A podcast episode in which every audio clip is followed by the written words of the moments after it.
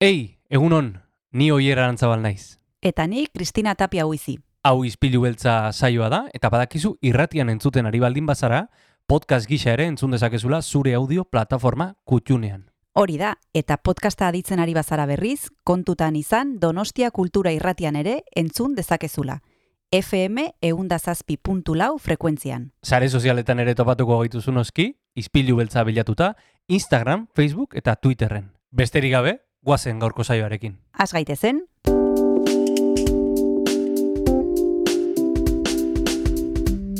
Ispilu beltza. Donostiako kulturaren berri, Oyer Arantzabal eta Kristina Tapia buizirekin. Egunen entzule iraiak amazazpi ditu, larun bata da, eta larun bat honetan, izpilu beltza dago, hemen Donostia kultura irratia. Larun bata da, eta guk aukeratu dugu, Kris, e, kursala gure txiringitoa montatzeko, egunon, bai, egunotan hemen egongo gara. Kafe ematen digute, hori da. eta hementxe gaude. Zinema, zinemari buruz aritzeko, pelikulak ikusteko ezakit aukera izango dugun, baina besteek hemen e, izango ditugun da. gonbidatuek bai ikusten dituzte pelikulak eta, Eta- kontatuko digute. Eta gure gonbidatuen pelikulak ikusten ditugu. Hori da, eh? hori da. Guztiak. Hori da. Eh, hori da gure lana, eta ala egiten dugu, eta gaina disfrutatu ere egiten dugu. Eta gaur, eh, pelikula oso interesgarria daukagu, aipatzeko. Bai, dokumental bat izango dugu, gaur izpidemen izpilu beltzan, gesto du izena, e, zinemaldian zinemira saian egongo dena, Xuban Intxausti zuzendaria gonbidatu dugu gaur Donostia Kultura Irratira. Eta gainera zinemaz asko dakien jendea izango dugu egunero, Kresalako gure lagunak etorreko direlako. Bai, badekizue aste artero izaten ditugula Kresala Zinekulbeko lagunak, eta hamar egunotan egunero izango ditugu, luxua da guretzako hori, ze pelikula mordoa ikuste dituzte eta kotatze dizigute, eta gaur Janet Diez etorriko da Llenos de Gracia pelikulari buruz aritzeko, Made in Spain sailean dago, eta ikusiko dugu zer kontatzen digun. Zinemaldiarekin konektatu nahi balin baduzu, entzule, hau da zure lekua, izpilu beltza, guazen astera.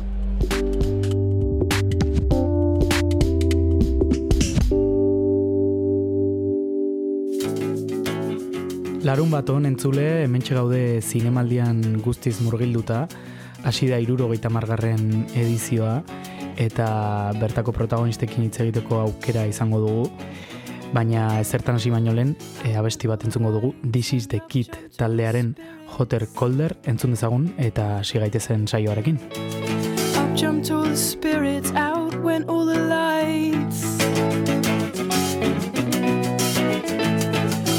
Someone riding, riding on your shoulder. Guiding you through darkness, playing hotter, colder.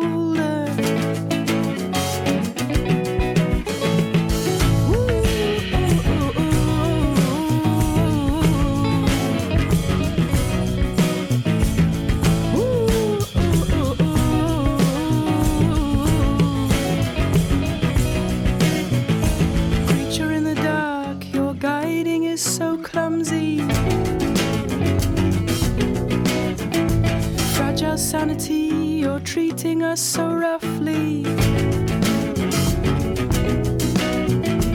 No, I disagree. She listens and she sees. Sees you getting colder, sees you getting further.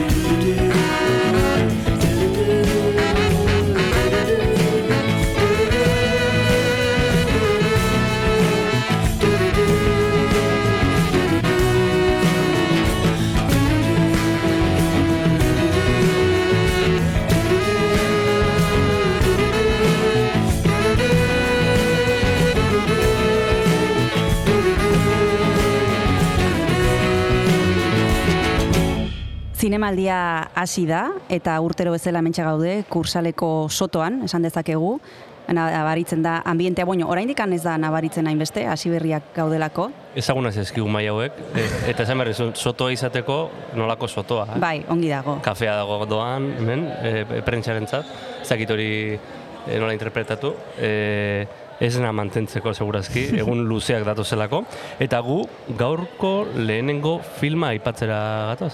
Bueno, lehenengo filma ez, orain aipatu ditugu batzuk, baino gaurkoa, behintzat bai, gesto daukagu gaur izpide eta horretarako pelikularen inguruan aritzeko Xuban Intxausti zuzendaria gonbidatu dugu. Egunon Xuban, ongi etorri Donostia Kultura Irratira. E, egunon. Xuban, zer modu zinemaldia? E, nola nola hasi duzu zure pelikularen defentsa? E, ez da erresa eh, Euskal Iztunaren aurrean nire filma defendatzea, baina bueno, ari gea, ari gea. Nik bai. uste, gestokoak bintzat txatean oso aktibo daude, eta esaten mutxu pila bat bialtzen ari dira, eta bar, eta bar, orduan bai, posi gaude. E, esaten da, e, ikusentzuleren zat, hau dela lehenengo momentu, baina zuk ja pelikula horrekin denbora asko pasa duzu. Bai, bai, maitasun eta gorreto harreman bat bihurtzen da azkenean muntaia, ez? Gure kasuan gaina muntaia oso zaila izan zen, ze, bueno, batez ere dukiturri ezberdin geneuzkan, agizgatu inginan proposamena pizkate zinematografikoa izateko, eta jo, kostau zaigu pilo bat muntatzea. Eta gero gaina gestokoak oso tipo, bueno, maila handia daukate, eta nik pasatzen nien korte bakoitzeko, jo, eta zekizten bat gauza zuzentu nahi zituzten, eta xina esaten nien ez ez, eta gero handik aste batea esaten nien, ai, ba, igual hautan nagozia zen bueno, kontatu iguzu pixka bat, e, entzulek agian e, baten bat ez daki zer den gesto, eta kontatu zer den pelikula, zer kontatu nahi izan duzun bertan, eta nola sortu zen proiektu hontan parte hartzeko aukera, Juban? Bueno, gesto da, ba, e, gesto por la paz, ezagit, guk, guk ni berroi urte dauzkat, orduan, agian, e, nik uste, dogeita bost, dogeita marrute daukan e, gazteak ez du igual entzungo, edo, bera, jaio zanean, obintzat, heldua zanean jatzen existituko, baina gesto por la paz izan zen, bakearen alde borrokatu zuen e, e, koordinakundea, ezta? Eta niri iritsi zitzaidan proiektu hau, ba, leire lariz goitia, ebolerekin lana egiten duen, Jordi ebolerekin lana egiten duen lagun produktora da, laguna da, eta beraren herrikoa dira, ba, gestoko militante batzuk, eta orduan galdetu zioten aizu ezagutzezu produktoraren bat edo eta zuzendariren bat ba giza eskubideetan esperientzia daukana eta hamaika pelikula egin iturnik aurretik ez giza eskubideetan da batzuk gainera leirerekin eta orduan ba bueno ba ni nitzen inoiz eh, gestoko konzentrazioetan egon baina bai aitak esatezian e, bela elkarrin egondakoa zan, toskista izandakoa ere bai aspaldi eta elkarriren ondorioz ezagututa gero esatezian lan txukuna egin zutela eta benetan interesgarria zala. Eta orduan aztertu nuen e, gestok egin zuen lana, eta ba, txunditu eta galditu nintzen. Ira, ba, zer ditzen trailerra entzuten badugu, eta, ba, segi, eta segidan jarretuko dugu. Esta mañana se han oficiado en San Sebastián los funerales por el guardia civil retirado que ayer fue asesinado en Lasarte. Como protesta por este atentado y en respuesta a la violencia, los alumnos, profesores y padres del Colegio Bilbaíno de los Escolapios se han concentrado esta tarde en una plaza de la capital vizcaína. Esta acción la piensan repetir siempre que se produzca una muerte violenta en el País Vasco. Queremos hacer un reconocimiento a toda la ciudadanía. Por eso, un destacado lugar deben ocupar las personas que rompieron con el miedo, que se comprometieron con esta sociedad, con los mejores valores que pueden inspirar una convivencia normalizada, que se solidarizaron con cada víctima y que se atrevieron a dejar de ser invisibles e indiferentes y se convirtieron en un punto de resistencia a la barbarie. A todas estas personas anónimas, a todas ellas muchas gracias de todo corazón. Juan Inchaustirekin ari gara, Inchaustirekin hitz egiten e, gesto e, filmaren inguruan, gesto por la paz, koordinakundearen inguruko eta nola bait, gesto por la pazen bitartez ere, gure memoriaren zatitxo baten e, inguruko dokumentala da. E, zein izan da e, pelikularen helburua, ez? Ze, ze bilatu bueno. dezu pelikularekin? Nik uste helburu bat e, daukala ondia eta da errekonozitzea e, gizarte honetan gestoren bitartez e, bortizkerianen aurka manifestatu ziren pertsonei errekonozitzea egin zuten lana. Eta zergaitik lan hori, ba, bueno, ba, asko, asko sufritu zutelako eta era injustu batean gaina ez da. Eta gero, bigarren nere helburua da, nik uste ere Euskal Iztuna naizelako, beste nere helburu txiki bada, e, nik uste eh, esango dugu euskera bertzalearen inguruko edo ez dakit nik nola deitu eh, eremu horri. Eremu horretan dagoen eh, jendeari saiatu aurreritziak eh, gailentzen eta eta pixka bat eh, paradigma, gestorikiko paradigma pixka bat aldatzen. Hori da bigarren helburua. Eta nahi baso esango izuet zergaitik. Ze nik uste eh, ges- gestok egin zituela gauza asko, esk, igual jendeak aztu egin ditunak, Hmm. Bai, ez? bai, pelikulak, helen e, elkarrizketa hasi baino lehen egon gara hitz egiten xuan, eta pelikulak ekartzen du burura, e, ba, ekartzen ditu burura hainbait gauza, bizi genitunak, ja urte batzuk ditugun gogoratzen ditugu, baino ahaztuta genitunak, edo pixka bat, e, bueno, e, borroso gelditu direnak gure memorian, une oso gogorrak, eta batez ere gestoren hasiera kontatzen dutenean e, partaideek, ba, aipatzen dituzte momentu oso bortitzak, eta eta ze ona den memoria ariketa hau, ezta? Bai, bueno, egia da, eh, kontramanifestak, eh, mes- mas, kontramanifestazioak izan ziren garai batean gestokoak eh, beti hilketa bat et, gal edo eta edo etakide bat hiltze zanean, urrengo egunean amos minutuko isiluneak ukitze zituzten, gero egia da, e, ebaiketen garaian bi urtetan zea gaztelenero ere bai, eta manifestatzen zirela, eta orduan hor egon ziren momentu bat, ba, ba kontran jartzen ziren e, ezkerra bertzaleko kideak, ba beraien aldarrikapenekin, ez? Baina, bueno, nik uste plaza asko daudela Euskal Herrian, nahi balin bazuten, beraiek ere beraien aldarrikapenak egiteko. Zen azkenean bihurtze zian mehatxuak, eta e, benetan, izugarrizkoak osoa, jasarpena jasan zuten gestoko kide askok eta hori bueno edu- eduki hori bai agertzen dala, ez? Baina eduki hori naiz garrantzitsua izan da nik uste dut azpimarragarria da ez ahazteko eh, herri hontan gertatu dana, adibidez harrigarria da, baina txata, txatean eh, zabaldu dute, atzo zabaldu zuten karta pertsonal bat gestoko kide bati eh, plazaratu zitzaiona, esanez, mm, ba, bueno, beraien, bere bila joango zirela, hola esate zuten erderaz, vamos a ir a por ti. Odan, bueno, mehatxu horiek benetan eh, sistematikoak izan ziren, eta baina horrez gain, gestok, jo, kriston lan egin zuen giza eskubidekiko defentsan, ez? Eta nik horretaz ere nahiko nuke hitz, eh? Ba, guazen hitz egitera horren inguruan, zer azpimarratuko zenuke e, lan hortan? Zein izango ditzateke, ba, punturik garrantzitsuena, edo pu- puntu garrantzitsuenak zeintzuk izango lirateke zure ustexuan, bide Bea, hortan? Nik, bi, nik bi gako dauzka pelikularen nik uste lehenengoa da, e, e, objetibitatea e, gauzak edo eki- gertakizunak aztertzerako orduan. Nik uste eta oso garrantzitsua dela, beti giza eskubietara urritze zeanean utzi barritu iritziak alde batera, eta saiatu hartzea azaltzen ge- gertatu zana, de, e, inglesez facts esate zaiona, ez? Oduan guk zer egin dugu, e, ba, geneukan e, ETB-ko fondo guztia gestok ja eskura zauzkan, berreunda piko bideo, eta hiru mila argazki, eta orduan egin genuna zan, ba, true crimeetan Netflixeko serietan gertatzen dan bezala, ba, pixkat notiziak ematen du kontekstua, ez? Notiziak esaten dizu e, zer gertatu dan, ez? Orduan, hori izan da guretzako e, base objektiboa, ez? Gestok zer esantzun eta noiz esantzun, ez? Orduan, e, hortik abiatuta, esan notiziak egiten du edo berriak egiten du kontestu moduko bat, esan zer esan zan eta noiz esan zan, eta hortik aurrera hasten da edukia e, za- e, zabaltzen e, filmean, ezta? Eta niretzako, adibidez, batez ere, pixkat burua, e, ez dakit, e, astindu nahuena izan da, ba, jo, ba, gestok adibidez, torturanen kontrako lehenengo prentxarrokoa mila behatzen da lorita marrean eman zuen, ez? Gero, presoen aldeko em, hurbilketaren alde agertu zen mila behatzen da lorita malauan. Gero, beste datu batzuk ere in- interesgarria dira, ez? Adibidez, e, ber gizartaratzea, reinserzion ditze zaio erderaz, bau da, azkenean ba, e, presoak des, e, desvinkulazio, bueno, e, organizazio armatutik, desvinkulatze erakunde armatutik deslotura sortzea edo regla demokratikoak onartzea eta egindako minaren errekomozimendua, hori esan zuten mila beretzen da laroita malauan egin beharrekoa zala, ez? Gero preso, presoen kolektiboak 2008an berdina onartu du. Orduan, esan nahet, emezortzi urte gerora, beste eh, gizartearen beste talde importante batek, kasu honetan presoak, gestok esan zuen berdina onartu du, ez?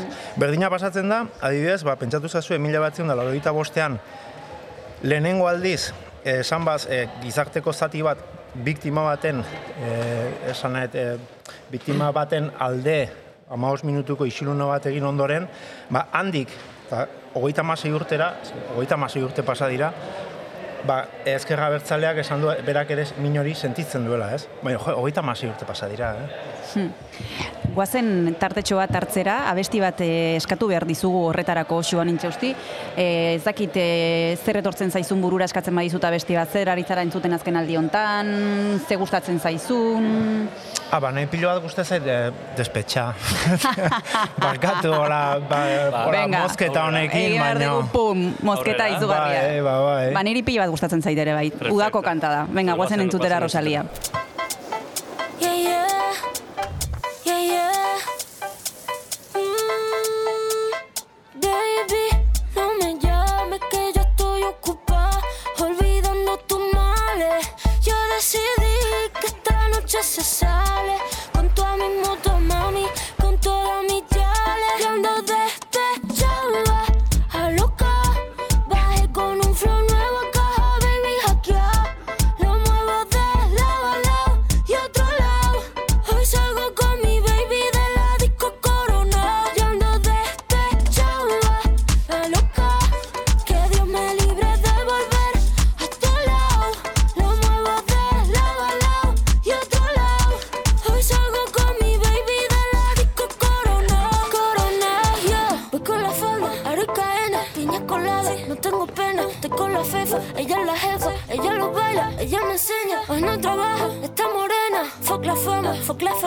La noche es larga, la noche está buena. Mambo violento y fin del problema. Mira que fácil te lo voy a decir. ABC, one, two, three. Mira que fácil te lo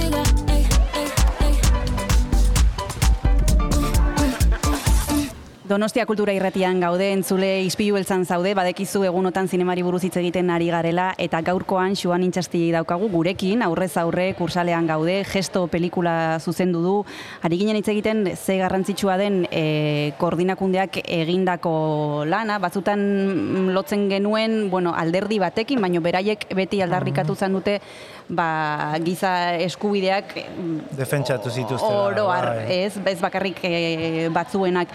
Egon da zerbait e, zaila prozesu hontan Xuan, koropiloren bat, momenturen bat non esan dezun, ostras, hemendik ez dakit nola, nola jarraitu edo...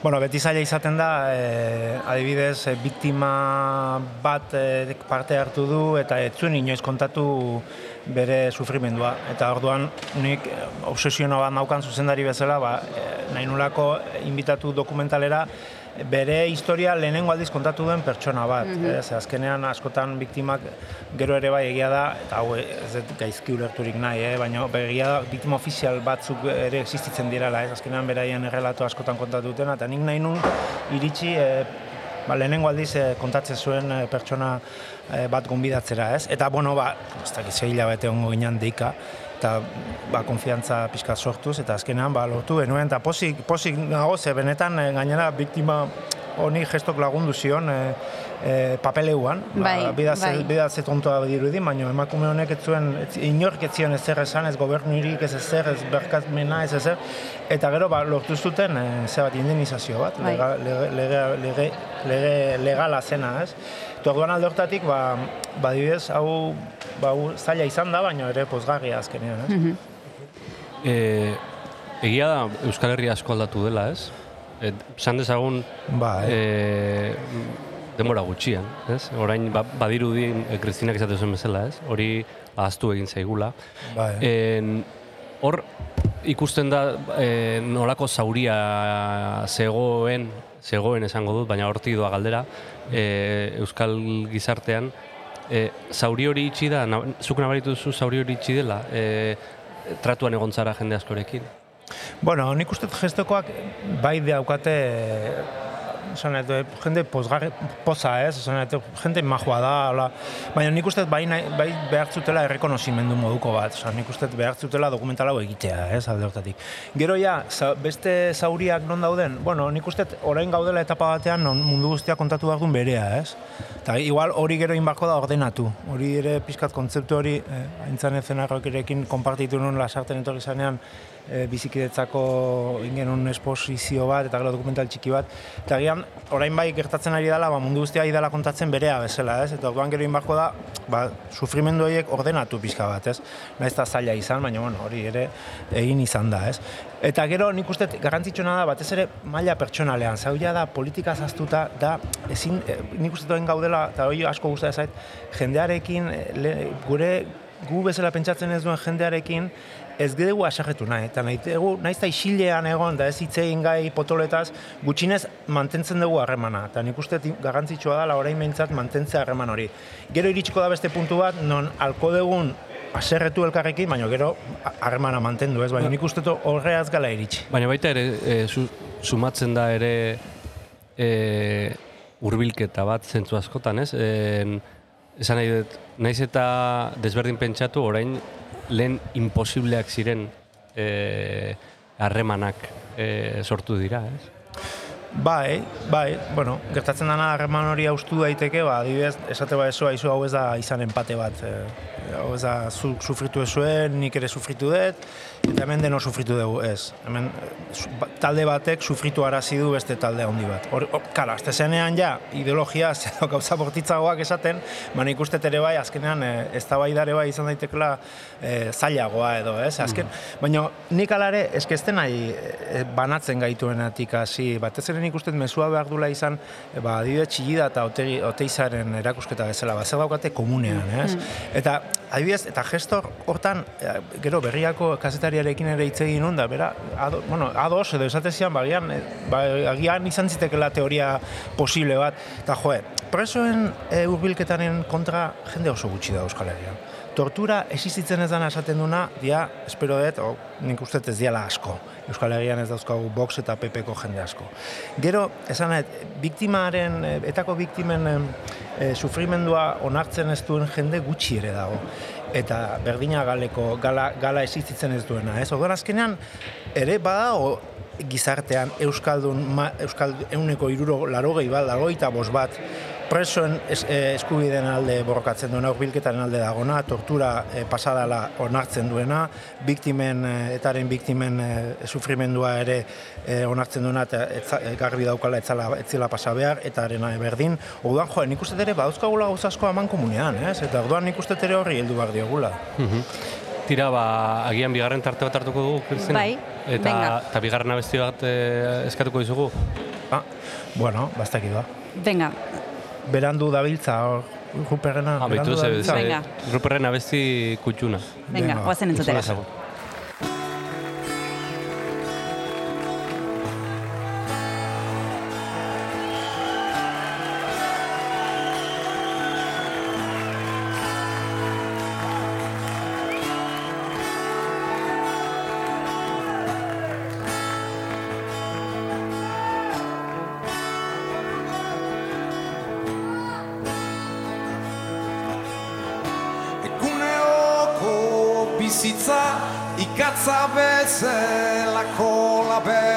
Labexo moduak isulutzen hasi zenian. Tizredin badiako kaian eseritzen Haide plano eroriei kantatzeko Blues band sagarraren loreek suatu zuten eta niri odolasi zitzaidan Sudurretatik Badoza xuiko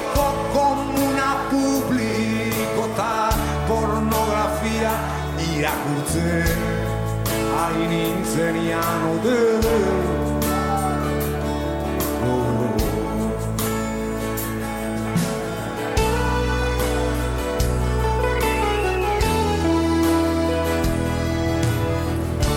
Eta kimistek txosten bat eman zuten argitara plusbaliaren alde azalduz erabat. Eta errestaurantetik homosexual bota zituzten arrazoi komertzialak. Zirela merillo zirela merillo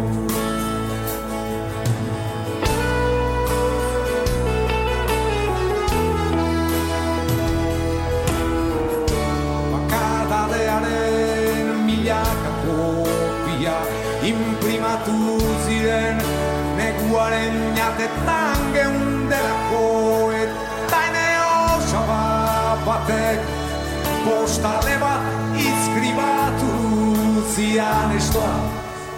Ene urte betetzia zelako esto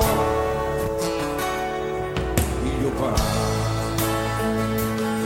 Eta bide batez bere seguru etxia konseiatu nahi zidalako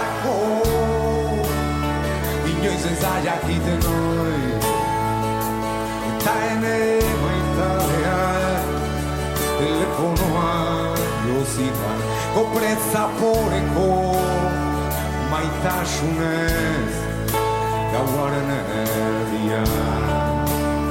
Gauaren erdian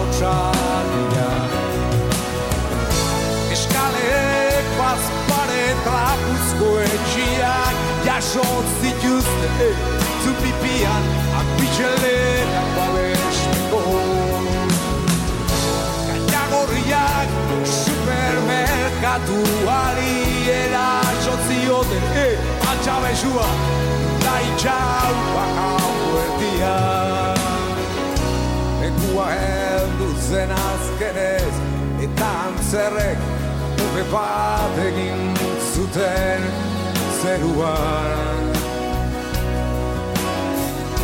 Dispensariotan antitristez ipildorak banatu zituzten. Ugari zazpi zurriten edizio ugaldu eta korrektua usmatu. Zorionak gramoka saltzeai ekin zioten kronoain gehu eta kerubinen Virtute kardinalek igotze desnaturala eman zuten erromako boltsa Mila liburu erregalatu zituzten bankuek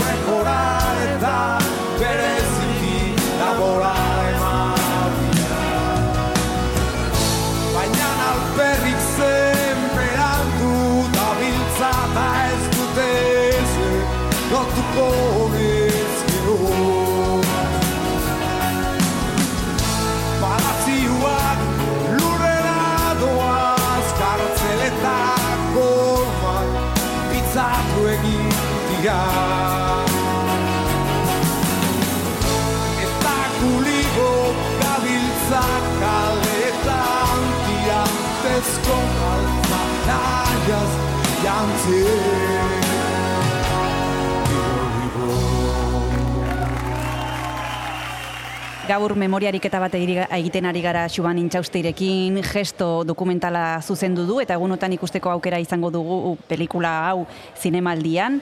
Eta horren inguruan galdetu nahi nizun e, oierrek ere hasieran aipatu du zuk e, ja urte desente pasa dituzula proiektu honekin e, seguruenik e, lehenbiziko emanaldian e, gestoko lagunak egongo dira baina gero hortik aurrera pelikulak bere ibilbidea egingo du eta jende askok ikusiko du, hori espero dugu behintzat. Bueno, bai, hori betikoa da, behin pelikula ditezu eta gero zailagoa batzutan da, zabaltzea. Bai. hori, gertatzen zaigu dokumentalistei, eh? Bai. Benetan. Baina bai, espero dugu herritan e, zinemetan zabaltzea, gero egia da, eta berekin konpromeso daukagula hemendik urte batera e, emititzeko, eta gero ere bai askatasun daukagu ba, jaialdi internazionaletan, giza eskubideko jaialditan, eta gero ba, plataformetan haren batean uzteko, ez da. Baina hori galdetu nahi nizun xuban, e, hasierako paseo hauetan gestoko jende asko egongo da, familiakoak, lagunak eta bar, eta gero, etorriko da, ba, bueno, multzoa, ez, jendea arrunta, eta zer espero duzu, zer nahiko zenuke, e, pe, jendeak e, pelikula ikusten duenean eta zinematik ateratzen denean, mm, ze komentario gustatuko letzitzuk entzutea? Ba, bazaila da, ba, nik, nik nahiko nuke, ba, hori pasazan adibidez, e, eta gauza asko ni ez nago, ez zaizki gustatzen, eh, baina Patria liburuarekin pasazan, jende asko irakurri zuen etxean bakarrik, isintasunean. Vale, ba, bueno, ba, gesto e, zinemara ez du etorri behar, sektore batzek, ez badu nahi, baina, bagian etxean zerbeza batekin ikustearekin nahikoa litzateke. Nik ez dut uste, batez ere, nire ustez, behin pasazitzaidan UNAFeko jaialdi batean junitzen e, San, San Franciscora eta zeuden Aitona Mona dokumentalista zahar batzu, eta esan zidaten, gu ez gea aberatsak, baina izan dugu bizitza aberats bat. Eta ostan, eh, sakon, iritsi zitzaidan, baina barruraino. Eta hor, arti, handik aurrea, ba, egia da, ba, azkenean aldan eta harima aberatxena aukitzea beharko zala, ez? Orduan, entzun gutxinez, ba, e, orain arte urruti egontzeanetik ba, gerturatu, ez? Azkenean ikustet aberatsagoak eta konplejuagoak gehala, ba, errealitate ezberdinak entzuten baditugu, ez? Eta, adibidez, nire irra, Euskal e, do, lasarten egin un bizitzeketzako proiektu horretan, jo, datu bat atera zan, irurogeita mazazpi atxilotu injustu egon dira lasarten, jo, kiston datu ikaragarria da. Adibidez hori, ez? Orduan, beti hurbildu hartzea e, ezagutzen ez dezunera, ez? Ta era horretan izango zea pertsona bat bai aberatsagoa eta bai konplejoagoa, ez? Analisi konpleju bat ukiko duzu, ez? Bizkat, aber, urrundu gaintezken gora guta gutarrak horretatik eta bizkat e, mekauen diosaren kulturatik, ez? Errazkeriatik urruntzea beti da Bai. osasungarria. E, Joan, eskertu behar dizugu izpilu beltzera gerturatzea, gu hemendik ibiliko gara, hemendik bazabiltza behin oin kafe bat hartu dezakegu elkarrekin. Bai, bai. Eta... Eso, nahi, bai, tira. komentatuko izkizuet ere ikuste dituzten perla pelikulak. Hombre, Bai, noski bai. baiet. Beitu, harrapatzea Bai, bai, bai, bai, E, benetan, izan, eh? izan altzara gure kritikoa. Bai, bai, batzu. hola, Venga. kritika, Gure impro- bai, bai, improvisatu da. Sekzio bat, hemen ja lotu sekzio bat. ze ondo. Aizu, ba, eskerrik asko, ez? Bai, eskerrik asko orain bertze elkarrizketa bat dauka eta segituan joan behar Bai. du Xuanek beste leku batera, azkar azkar. Eskerrik asko hurbiltzagatik Donostia Kultura Erratira. Urrengor arte, zorte on. Zorte on, hori da. Mila esker zuei, eh? Agur. Agur, agur.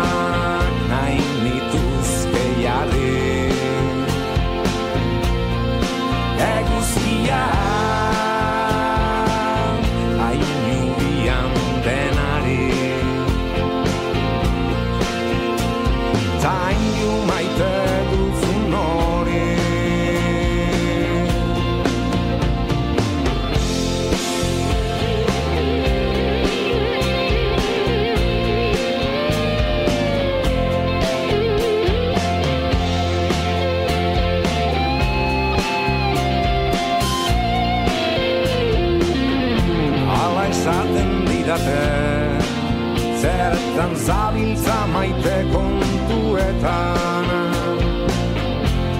Elkar bizitza jokuan Eta zu berriz bertso txikietan Kantu leunak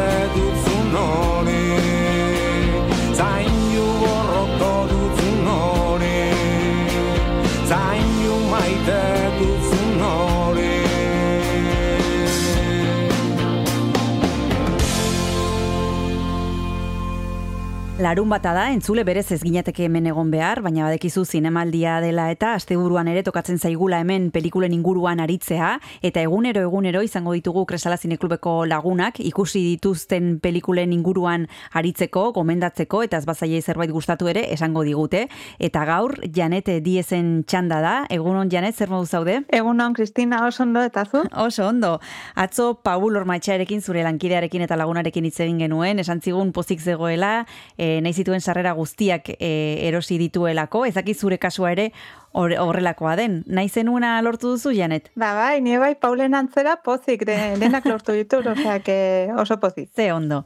Bueno, orduan e, esango diguzu, ze ikusten duzun, egunotan, e, izango dugu aukera hitz egiteko, baina goazen e, lehenbiziko gomendioarekin edo lehenbiziko pelikularekin. Ezakit gomendatuko duzun ikusteazuk, jada ikusi duzu, e, Made in Spain sailean ikusteko aukera izango dugu hemen donostian, eta urrengo pelikula da Llenos de Gracia. Roberto Buesok zuzendutako filma, Carmen Matxik e, e, gorpuzten du protagonista, monja bat da pelikula hontan, eta kontatu iguzu azteko Janet, e, ba, zer kontatzen duten e, Llenos de Gracia pelikula honetan, zer buruz doa? Ba, gertakari, benetaz, e, gertatu zen gertakari batean inspiratua dago Ah. e, Llenos de Gracia. Aha. E, monja Carmen Matxik irudikatzen duen e, pertsonaia benetan existitu egin da. Ah. Eta umetako, umetako bat, e, bai, Eta orduan da, be, ba, beraien historian oinarrituta dago, eta bueno, da, Carmen Matxi m- monja berezi bat da, ze, bueno, hasieratik ikusten zaio nola iristen dan eskolara, ez, bere walk, walk, walkman e, musika entzuten, e, maleta, eta, bueno, ba, irakasle berri bezala iristen da eskola batera, e, han bertan e, uran geratzen diren umei e, klasiak emateko, eta, bueno, hasieran ez du oso eruki- erukiko, baina umeen konfiantza eta maitasuna ba, jungo da e, irabazten. Mhm. Esan duzu Walkman bat, e, Janet, non kokatzen da pelikula, ze garaitan? Ba, mila behatzen da, laro malauko uran. Aha, vale, Osea, badoz. que garai horretan oa indikan bada. Osea, que gutako batzuentzat izan daiteke e, gauzak e, oroitzeko pelikula bat, ez? E, ze pixka bat e, berrogei urte eta e, ditugun ontzat, pixka bat e, gure eskolako garaia irudikatzen du pikin bat. Bai, eta gaina, ba, adibez futbol inguruko gauzak bai, eta komentatzen ditun gauzak ba, garaikoak dira, ez? Mhm. Orduan, ba, bai, ba, garai horietako pertsonen ba, pertsonak ba, asko disfrutatuko dute film hau, eta baita ere besteak bai, ze llenos de gracia, ba, komedia eta, bueno, polita da ikustea eta oso entretenigarria. Mhm. Eta esan dugu Marina dela Carmen Matxi, baina badaude beste monja batzuk ere. Ze garrantzi dute monja hauek edo nolakoak dira Marina, Marinarekin konparatuta? Ba, zeharo diferenteak, e, aldi batean dago e, e, la madre superiora gaztelaniaz esaten dena e, oso zorrotza, e, nik esango nuke dela nasketa bat e, señorita Rottenmeier eta ez dakigu atzen zen Kristina Sister Act e, Bai, ko madre superiora. bai. Ba, horren, olako nasketa bat e, ba, bueno, esango dut, badagoela momentu batean pixka bat aldatzen dela, baina bai, nik uste señorita Rottenmeier eta sisterateko e, mojaren e, nasketa badela. Gero dago beste bat, neska gazte bat, ba, bueno, e, oso berezia, eta, bueno, liburutegian lan egiten du, eta gero dago sukaldaria, bueno, ikaragarria dela, orda, ikusi bar da, eta gaina badago sekuentzia bat Kristina filme ikusten badezula, asko seguru nago asko disfrutatuko dezula, ze da, e, hiru monjak atrakzio batean igota. Bai, hor- hori ez da galdu behar, oso, oso, oso nada. Ba, ikusiko dugu, esan bezala zinemaldian ikusteko aukera izango dugu.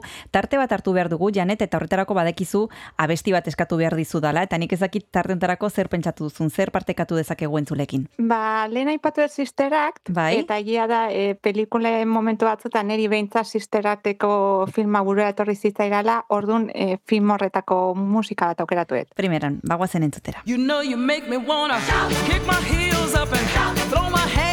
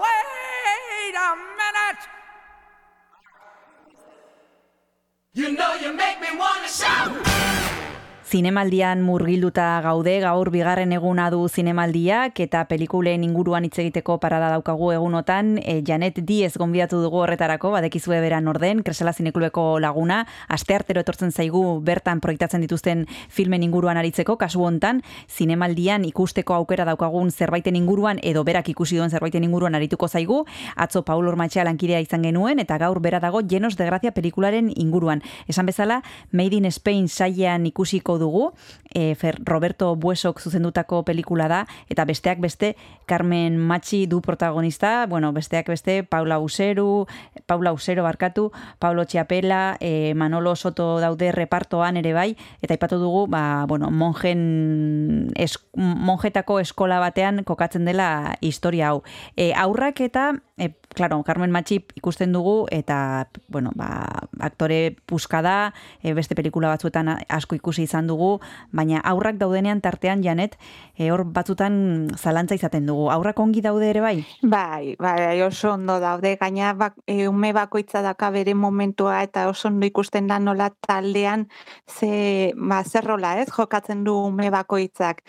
Eta esango dut badagola ume bat niri behintzat, e, bueno, kriston enamoramentan maite minutan nago berarekin, zera txikiena, eta garitu momentu batzuk e, ni barakit eh, jende asko maitatuko dula.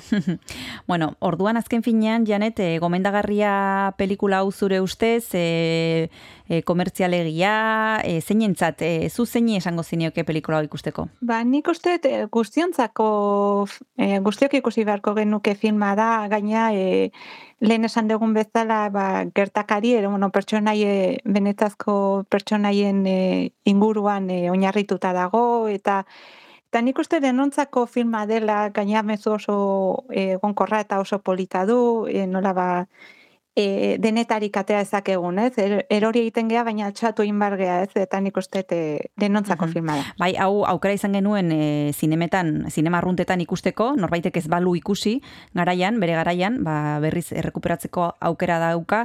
E, Made in Spain sailean, e, normalean, ba, hori, mm, i- urtean zehar ikusi ditugun pelikulak ere jartzen dituzte, ez? Modu bat da, erresk, errekuperatzeko pelikula horiek ere bai. Hori da, e, agian e, urtean zehar ezin izan dugu film e, bat ikusi eta, bueno, hau aukera ona da, ba, e, lleno ze grazia, ero beste film batzuk e, ikusteko aukera ez baldin badegu lehen ikusi. Bueno, lehen, eh, esan bezala, atzo Paul Ormatxarekin hitz egin genuen, eta berak kontatu zigun nola prestatzen duen bere kiniela, bere plangintza, zinemaldin eh, pelikula asko ikusten dituela, esan digu, esan zigun atzo, eta Janeti ere gauza bera galdetu behar diogu. Janet, zuk nola prestatzen duzu eh, aste hau, bueno, amarregun hauek nola prestatzen dituzu, eh, zeren arabera aukeratzen duzu pelikula bat eta ez beste bat. E, adibidez, Paulek esaten zigun berak beti ikusten du zuzendari berriak osoa. Eta gero zabaltegiko zerbait. E, zuk zer egiten duzu egunotan? Ba, ni zeharo diferente, Paulen diferentea naiz. e, nik, eh, bueno, programazioa begiratzen dut eta e, zer deitzen diran, antentziok zer deitzen diran arabera, ba, pelikula bat ikusten dut, ero beste bat, ero hornoa nire Tetris egiten eta nire tablatxoan e, ipintzen pelikulak, aber nola enkajatzen di, ba, astean zehar, e, bintza saiatzen nahi dituran guztiak ikusten. Zenbat izaten dira, gutxi gora bere egunean, Janet? Ba, ba igual egunean gehienez lau ikusiko ditut. Mhm, Ma, mhm. badaude egun batzuk, bat ero bi ikusiko ditu dala, baina hola gehiena, gehien, gehienez eh, lau. Oraintxe bertan jarraituko dugu zinemaldiaren inguruan hitz egiten, bigarren deskantsu bat hartu behar dugu, eta horretarako janet bigarren abesti bat eskatu behar dizut. Lehen entzun dugu Sister Acten abesti bat, eta orain zer pentsatu duzu? Ba, nola, e, zinemaliak iruita mar urte betetzen ditun, ba, zinemaliaren omenez e, Star Wars, La Guerra la Galaxiaren Mhm. abesti bat ekarri dut. Primera, magoazen entzutera. Thank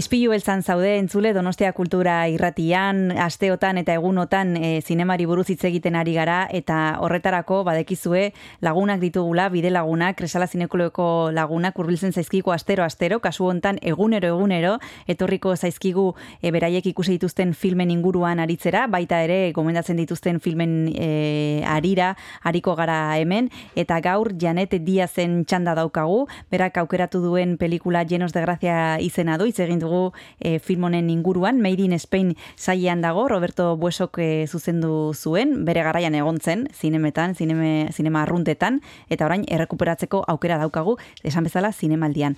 Esplikatu duzu, Janet, e, zein den zure funtzionamendua egunotan, nola erabakitzen duzun e, ba, ze pelikulatara joatea, eta zeinetara ez, e, nik ezakit, e, laugarrena ikusten duzunean, edo bosgarrena ikustean, ja burua, mm, buruak ongi funtzionatzen duen oraindik ere. Zea, jarraian hainbeste gauza ikusi ondoren, e, ez dakit e, nola sartzen den ba hori laugarren pelikula edo bosgarren pelikula. Ba, batzutan ez du on, oso ondo funtzionatzen burua, esan beharko da, e, gehien bat azkeneko egunetan, ja hor ja nekean abaritzen den momentuetan, ja e, begiak bai hasten diela pixkat saioetan izten, Baina, bueno, e, ni behintzat ba, bai egiara notak hartzen diturala, eta behintzat badaukate lako registro bat ikusten dituan filmak, eta gero, bueno, ba, kresalako kirekin hitz egiten nuranean, ba, beti etortzen zairat burura ez, eta beti laguntzen diate zerbait gogoratzen. Baina bai, zailara, e, laugarren ero bosgarren filma ikustean, e, ba, ez astean, azten beste film batzukin, ero nekeak ez, gaztelaniaz esaten den bezala te joe una mala pasada. Bai, bai. Aipatu dituzu kresalako lagunak, Janet, e, gustatzen zaizu besteekin komentatzea zer ikusi duzun, eno nahiago zuzuk bakarrikan pelikularen inguruan hausnartu eta pixkat lasaiago egin irakurketa, edo nahiago ezu konpartitu? Ba, biak gustatzen zaizkit, egiara, e, ba, e, zinemaldian zehar ez gehala inbesti ikusten, e, bintzat, e, kau, batzuk film bat ikusten nahi dira, beste batzuk besteak, orduan ez daukago hainbesteko aukera denok batea egoteko. Baina bai, hartzen dugu tartetxoak, ba, film baten, art, bi filmen artean ari bidez, ba, bintzat e, zerbait hartzea, komentatzeko zikusi dugun, eta Eta hori bai gustatzen zaite, ba, pixka sola salitxo bat, ez? E, egitea orkaina batzukin, edo kafetxo batzukin, e, depende ordua, eta bai, gust, biak egitea gustatzen zaizkit bai. Eta noizbait e, zu edo kresalako norbait joan da, e, esan du pelikula hau ez, ez dut aguantatzen gehiago eta banoa, edo hori ez da egiten. Ba, nik ustet, e, ni oain printzipio ez dakit nerekirek alako zerbait egin duten. Egia da, ni, e, ni behintzat, e, ba, ikusi ez film bat, eta aguantatu de bukaeraino, eta zaitez ez ez gustatu, baina behintzat, aguantatu de bukaeraino. Nire kideak ez galdera onara Kristina berai egiteko. galdetuko diet, pixkanak amendik pasatzen diren enean, galdetuko diet aber e, hori egiten den, edo bakarrikan kritiko ospetsuek egiten duten, galdetuko diet. bueno, eskerrik asko, Janet, e, kontatzeagatik nola den zure zinemaldia, nola prestatzen duzun, eta batez ere gomendatzeagatik ekarri duzun pelikula, llenos de gracia, esan bezala Made in Spain salian ikusteko aukera izango dugu egunotan, Carmen Matxik e, e, korpuzten du protagonista, monja bat, e, mila beratzireun larogeita malauan e, kokatzen da filma eta eskola batean umeak daude eta bueno, esan diguzunaren arabera gomendagarria familia osoaren zat e, izango dugu zure berri egunotan eskerrik asko eta ongi pasa zinemaldian. Mi esker, zue bai Kristina. Agur. Agur.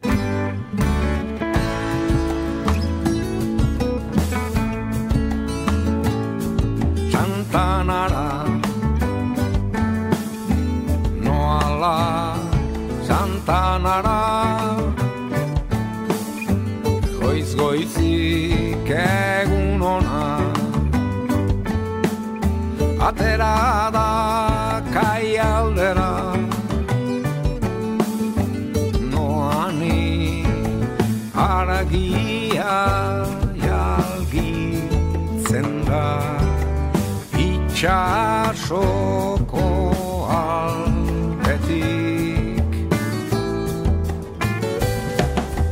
Santanara. Noala Santanara. Abanatik menturazko Bidean zure ondora. Noani kretsak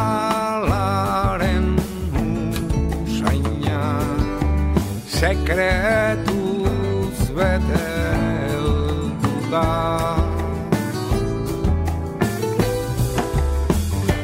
Hemen ametxetan bezala mundua pausan da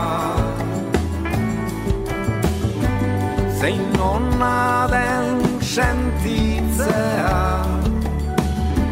Denboratik atbizitza Esalaren usainak Zure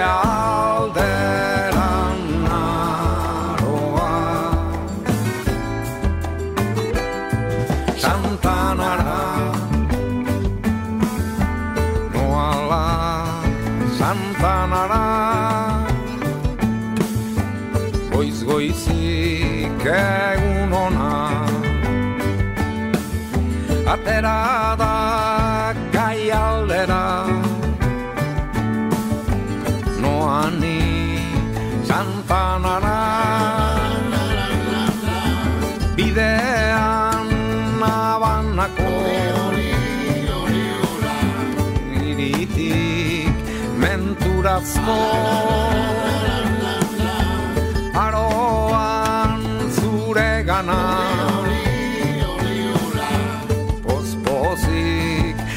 santanara bidean itxasoko aldetik grabelina. Eskuan ta kolkoa. Bete diru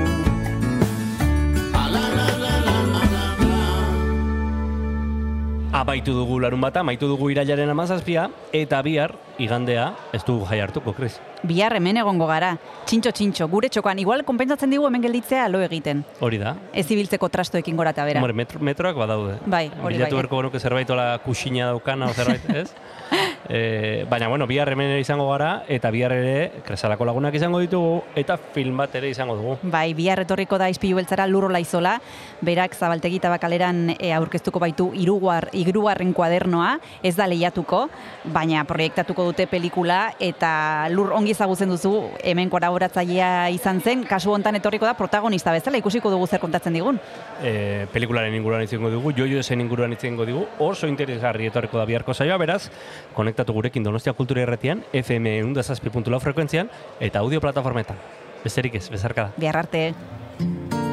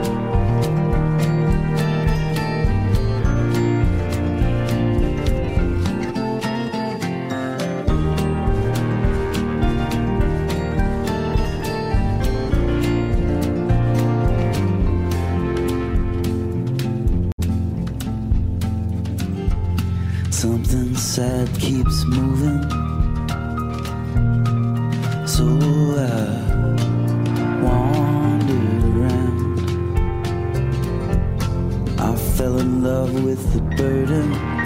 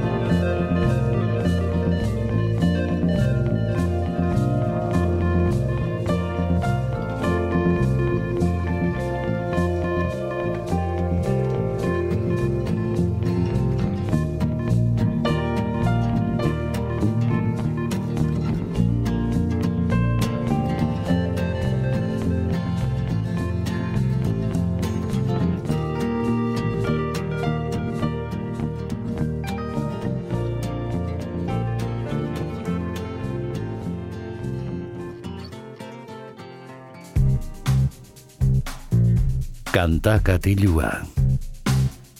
Jon Gartziaren eskutik. Kaixo entzule ongietorri kantakatilura, amaitu dugu garko zinemaldiaren edukiekin, baina egunero egiten dugun moduan musika zamaituko dugu izpilu beltza, hemen kantakatiluan, Donostia kultura irratian eunda zazpi punto frekuentzian zaude, eta gaurkoan disko bat entzungo dugu, Snapped Ankles eh, izeneko proiektuaren eskutik, azken diskoa Forest of Your Problems eh, izenarekin kaleratu zuten, eta izen bereko abestiarekin hasten da, beraz, guazen zutera.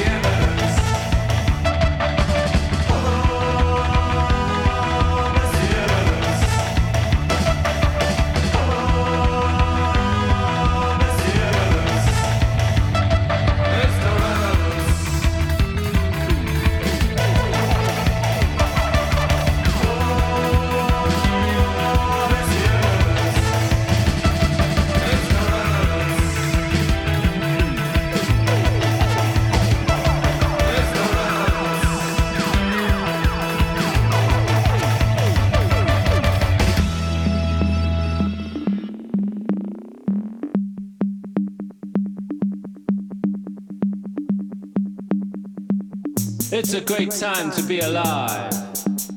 If only you've got some fun.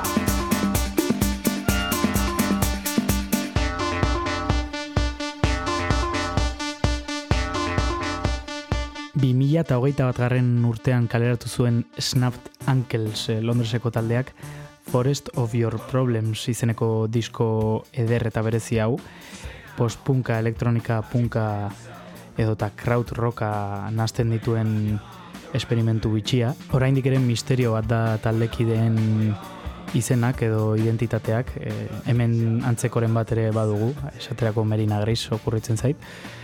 Eta tira, jarrai dezagun entzuten, orain entzun dugu Shifting Baselines of the Cornucopians, eta entzun dezagun urrengoa, Undilated Lovers. When you see the garden,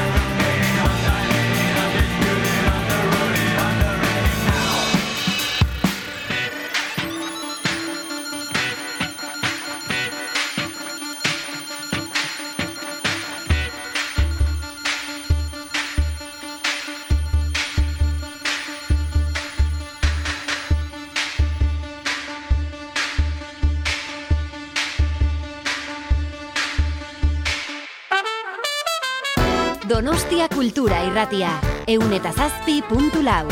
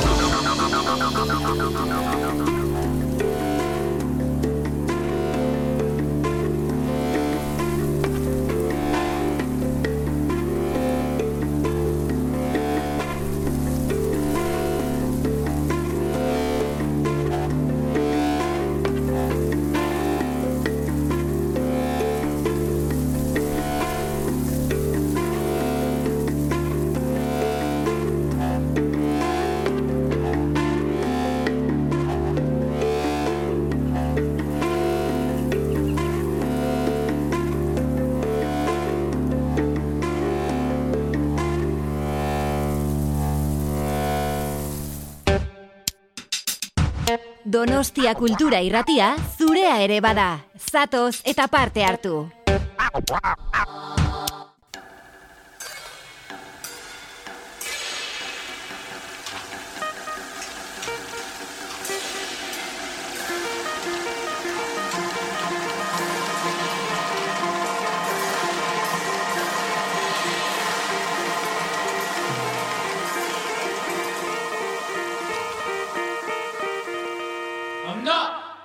politician.